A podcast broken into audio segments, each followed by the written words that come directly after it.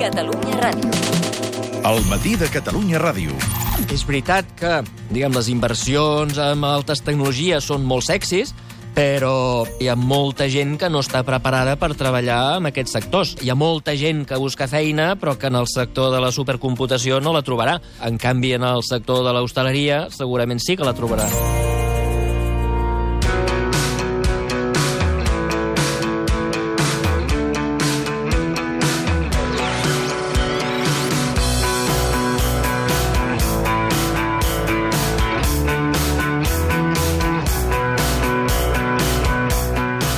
Com sabeu, el 96% dels estudiants que varen fer la selec- selectivitat ara fa uns dies eh, l'han aprovada. És un percentatge similar al que més o menys a Catalunya tenim cada any. La nota més alta és un 9,9 que l'ha obtingut un alumne de l'Institut Antoni Torroja de Cervera. Eh, hi ha quatre alumnes més que també han obtingut 9,8, que és d'allò més alt, i a més a més hi ha un altre alumne, company seu d'aquest mateix centre, que també està en aquest eh, paquet de, de top eh, 10, diguem. Això, tenim la les proves de la Pau que s'han fet, aquests 35.000 estudiants, eh, però més enllà de les xifres i de les estadístiques, avui amb Xavier Sala i Martín ens volem preguntar si aquest sistema que tenim és el millor mètode per poder seleccionar qui ha d'accedir a quina carrera. Val la pena dedicar tot un any d'estudis a una prova que mesura exactament què? Coneixement? O, o bé intel·ligència? O, o intuïció? O capacitat de, de memòria, diguem, i habilitat a, al mateix temps? En fi, tot plegat amb l'estrès, a més a més, afegit que tenim també, de que t'afrontes davant d'una prova de moltes poques hores per marcar-te un futur professional quan tot just tens, res, 17-18 anys. En parlem amb Xavier Sala i Martí. Molt bon dia. Hola, molt bon dia. Com estem? Molt bé, vosaltres? Bé, avui una mica mogudets amb l'incendi que Sí, afecta el sud sí, del país, sí. però molt bé i encantats de poder parlar una mica i d'avaluar com fem les proves de la selectivitat, que em temo que no t'acaben de fer el pes. No. Per què? A veure, primera, perquè són unes proves. Uh, segona, perquè el que avaluen no, no és la capacitat que tu tindràs de tenir èxit uh, ni uh, com a estudiant ni com a investigador o com a pensador a la universitat, eh, ni et preparen eh, de cara al futur. De fet, el, el que avaluen és la capacitat que tens de memoritzar una sèrie de temes i vomitar-los, diguem, sense nervis en, en una hora o dues hores o les hores que et toquin. A mi em sembla que aquesta, aquesta capacitat no, no indica res que et permeti dir que eh, t'anirà bé la universitat, eh, t'anirà bé la vida o, t'anirà, o que seràs feliç o qualsevol cosa que, intel·ligent o, o desitjable que vulguem mesurar. Doncs eh, com ho faria, Sala Martín? Oh, doncs, primer, eliminar uh, aquests exàmens. Uh, a veure, quan tu tens exàmens, quan tu tens exàmens uh, i saps els temes que tocaran, uh, doncs la reacció de la gent que vol tenir bona nota, perquè sap que es juga, com acabes de dir, es juga el futur amb aquest examen, és, primer, abandonar tot. Abandonar tot que no entri a l'examen. És a dir, estarem durant un any eh, focalitzats en aprovar l'examen. Això què vol dir?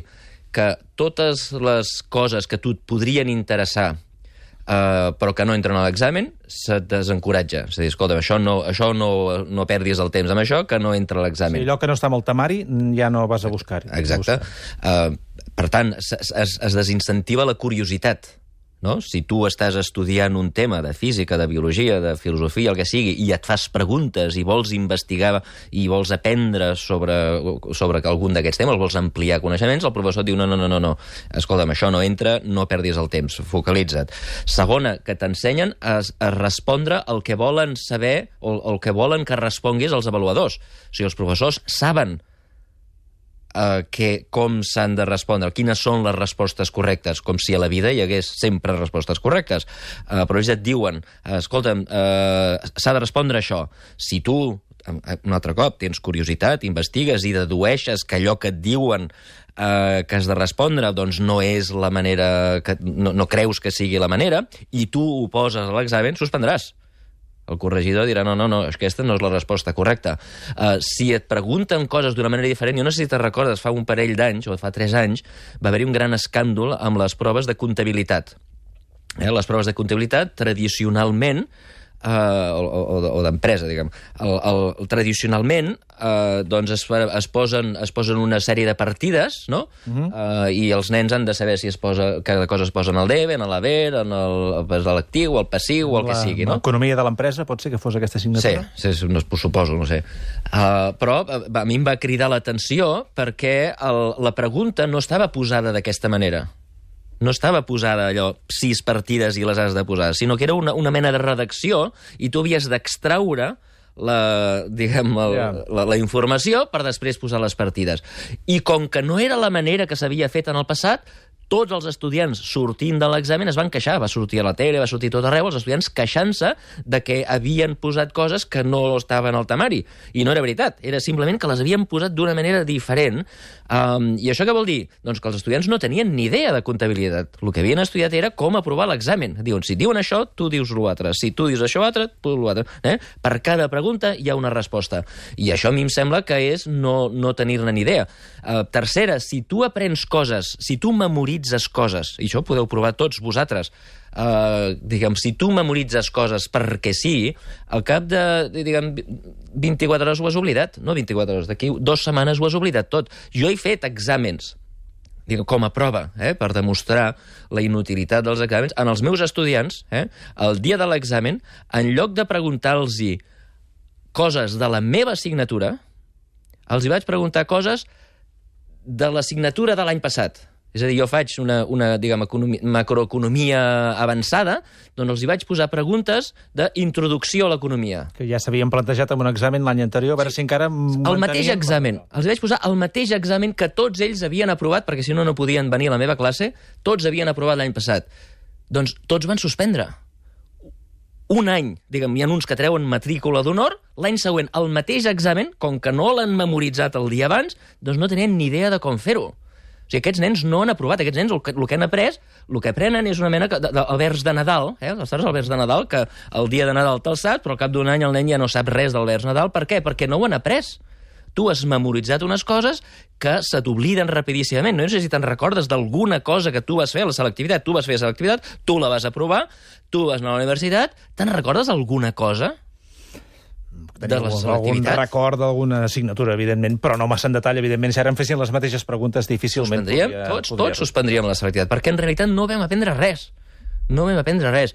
Uh, I, per tant, a mi, allò, fer uh, perdre el temps a tota una sèrie d'estudiants, a milers d'estudiants, uh, a, a centenars de milers, a milions d'estudiants, de fet, a arreu del món, perquè això ho passa a, a molts països del món, doncs eh, fer-los a perdre el temps eh, amb unes coses que acaben sent inútils, que no avaluen la capacitat, perquè diguem, el, el fet de saber memoritzar eh, unes coses i vomitar-les el dia de l'examen perquè tens nervis de ser en, en, contra, en contra dels altres, que, diguem, en lloc dels altres, en, eh, diguem, en, en contraposició als altres que es posen nerviosos, que també ho saben, però que com que estan nerviosos no ho saben fer, això no són les característiques que volem als estudiants. En els estudiants universitaris el que, el que hauria de primar és la curiositat, quines ganes tenen d'aprendre. Si tu aprens coses sense ganes, no, no aprens res, ho memoritzes, vomites l'examen, el que et queda tu eh, després per anar per la vida és el que tu has tingut ganes d'aprendre, el que tu has après per curiositat teva, el que tu t'has preguntat. Fixa't, per, per, però,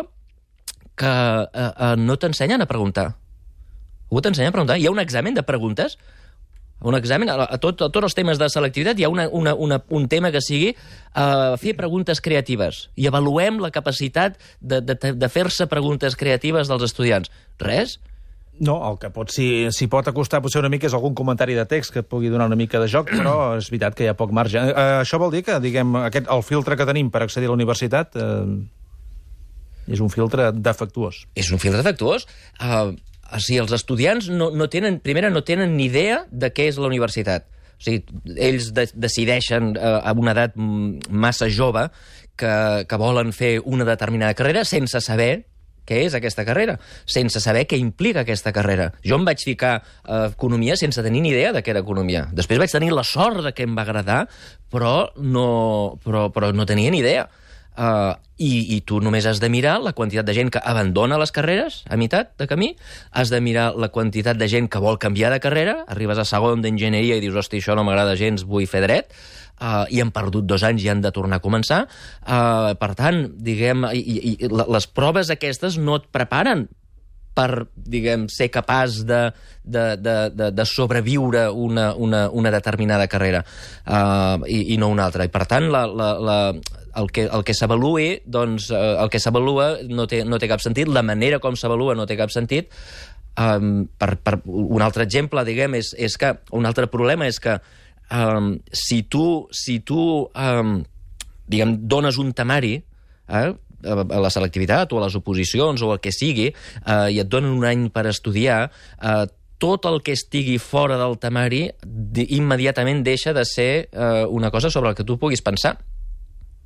Entens? Sí. I, això, I això, diguem, eh, és molt greu, és molt dolent, perquè perquè, diguem, el, el coneixement que tenim la humanitat sobre moltes coses va molt més enllà del temari. Uh, és més, és més la, la, la innovació, la capacitat de tenir idees, sempre és intentar buscar les fronteres del coneixement. Dius, escolta'm, el temari diu això, però i si anem més enllà? O i què passa si això que diu l'Einstein en veritat no funciona? O què passa si, eh, diguem, lo de Darwin és diferent, no? Eh, si tu et fas preguntes, vas més enllà de les fronteres del que hi ha al temari, doncs pots acabar tenint idees, pots acabar eh, fent innovació, i en el món en el que viuran els nostres nens tot això serà molt important. Tot això serà molt important. El món en el que diguem, l'educació bàsicament servia per McDonalditzar els nens, és a dir, que tots sàpiguen el mateix, perquè era, vivíem en un món industrial en el que era important tenir substituts, eh? eh es posa malalt un enginyer, doncs tranquils, el substituïm, en posem un altre, es mora un advocat, en, seguim, en posem un altre, i la gran maquinària industrial segueix funcionant. Eh, per tant, tots hem de saber el mateix, per tant, tots hem de, hem de, hem de ser substituts. Eh, tot això està sent canviat a la quarta revolució industrial per la necessitat de tenir gent creativa creativa, gent que creï el seu propi lloc de treball, gent que faci coses diferents, gent que tingui iniciativa, gent que tingui capacitat crítica. Uh, avui dia tenim una, una, una gran quantitat de dades. En el món passat el problema que teníem és que no teníem dades i per tant havíem d'embotir dades en el servei dels nens i que se sapiguessin tot el servei perquè no hi havia manera. Avui dia les dades les tenim tots a l'ordinador, tots en el telèfon, i llavors el que hem de fer és saber, un cop tu googleges una cosa, tenir criteri per dir no, això és fake news, això va en sèrio, aquest és, que això, és, això és veritat, això és mentida. Aquest, aquest, aquest, aquest criteri, aquest sentit comú, no l'ensenyem hi ha una, hi ha una assignatura, hi ha, un, hi ha una, una, l'examen de selectivitat, hi ha una, una, una pregunta de sentit comú, hi ha preguntes de criteri, hi ha preguntes de, de escolta, m'identifica el fake news de la, de la notícia de veritat, uh, hi ha preguntes sobre, quan tu vas a Wikipedia i, i hi ha una, una, una entrada, uh, diguem, realment tu creus tot això que, que, que estàs llegint?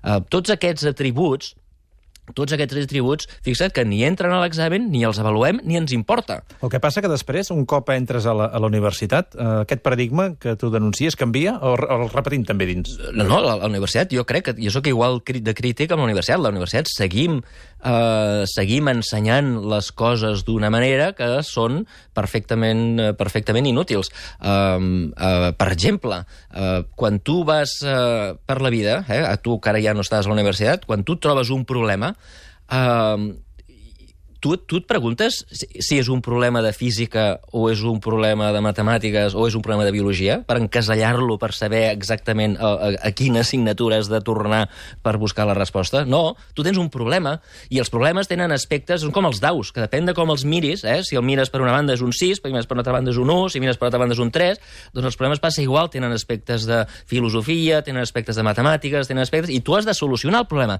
i has de ser capaç de relacionar. Fixa't que a la universitat, a l'escola, l'escola secundària, a l'escola primària, fins i tot a la, a la, a la, al jardí d'infància, al parvulari, eh, fins que compartimentalitzem el coneixement amb assignatures. Uh, i, el que, I escolta, això t'ho explica la professora de matemàtiques i això t'ho explica la, la, de, la de biologia. I, i, el que, I el que tu prens a biologia no serveix per res, les matemàtiques. Són, són com compartiments eh, separats que no, que no serveixen, que, que no es connecten, però després, quan tu vagis per la vida, hauràs de connectar, perquè els problemes no són de física o de biologia, són problemes. I tu, els, tu quan treballis, els hauràs de solucionar, siguin del tipus que siguin, i intentant relacionar tot el que tu saps, eh, tot el que tu ets capaç de pensar, tot el que tu ets capaç de buscar, relacionar-los eh, per solucionar per, per solucionar-los. No, no, no, no els podràs encasellar. Mm -hmm. I fixa que això seguim seguim eh, encasellant les, les, les matèries per assignatures, assignatures. però també seguim encasellant per carreres. Les carreres, fixa't que no són res més que, que, que escoles de formació professional glorificades. Però són també vocacions una mica, no? I clar, jo Bueno, vull vas... tirar per aquí, vull tirar per allà, d'alguna manera s'ha de Sí, sistem... però tu sistematitzar mínimament. a tu t'ensenyen a ser advocat. Vas a l'escola de lleis i t'ensenyen a ser advocat. Vas a l'escola d'economia i t'ensenyen a ser economista. I dintre de l'economista pot ser finances, màrqueting, eh, jo què sé, teoria econòmica o el que sigui, no? o comptabilitat. Uh -huh. uh, I dintre d'advocat, igual, penal, pa, pa, pa. Uh, I així totes les professions, eh? dentista, dintre de la medicina, etc. Um, estem al mig d'una revolució industrial.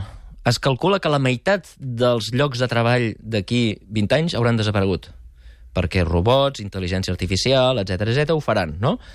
Um, uh, per exemple, una de les sortides més populars dels meus estudiants és, fins ara ha sigut, finances. Eh? Sortir, anar a les grans empreses financeres de Wall Street, uh, diguem, a comprar i vendre coses a la borsa. Vale?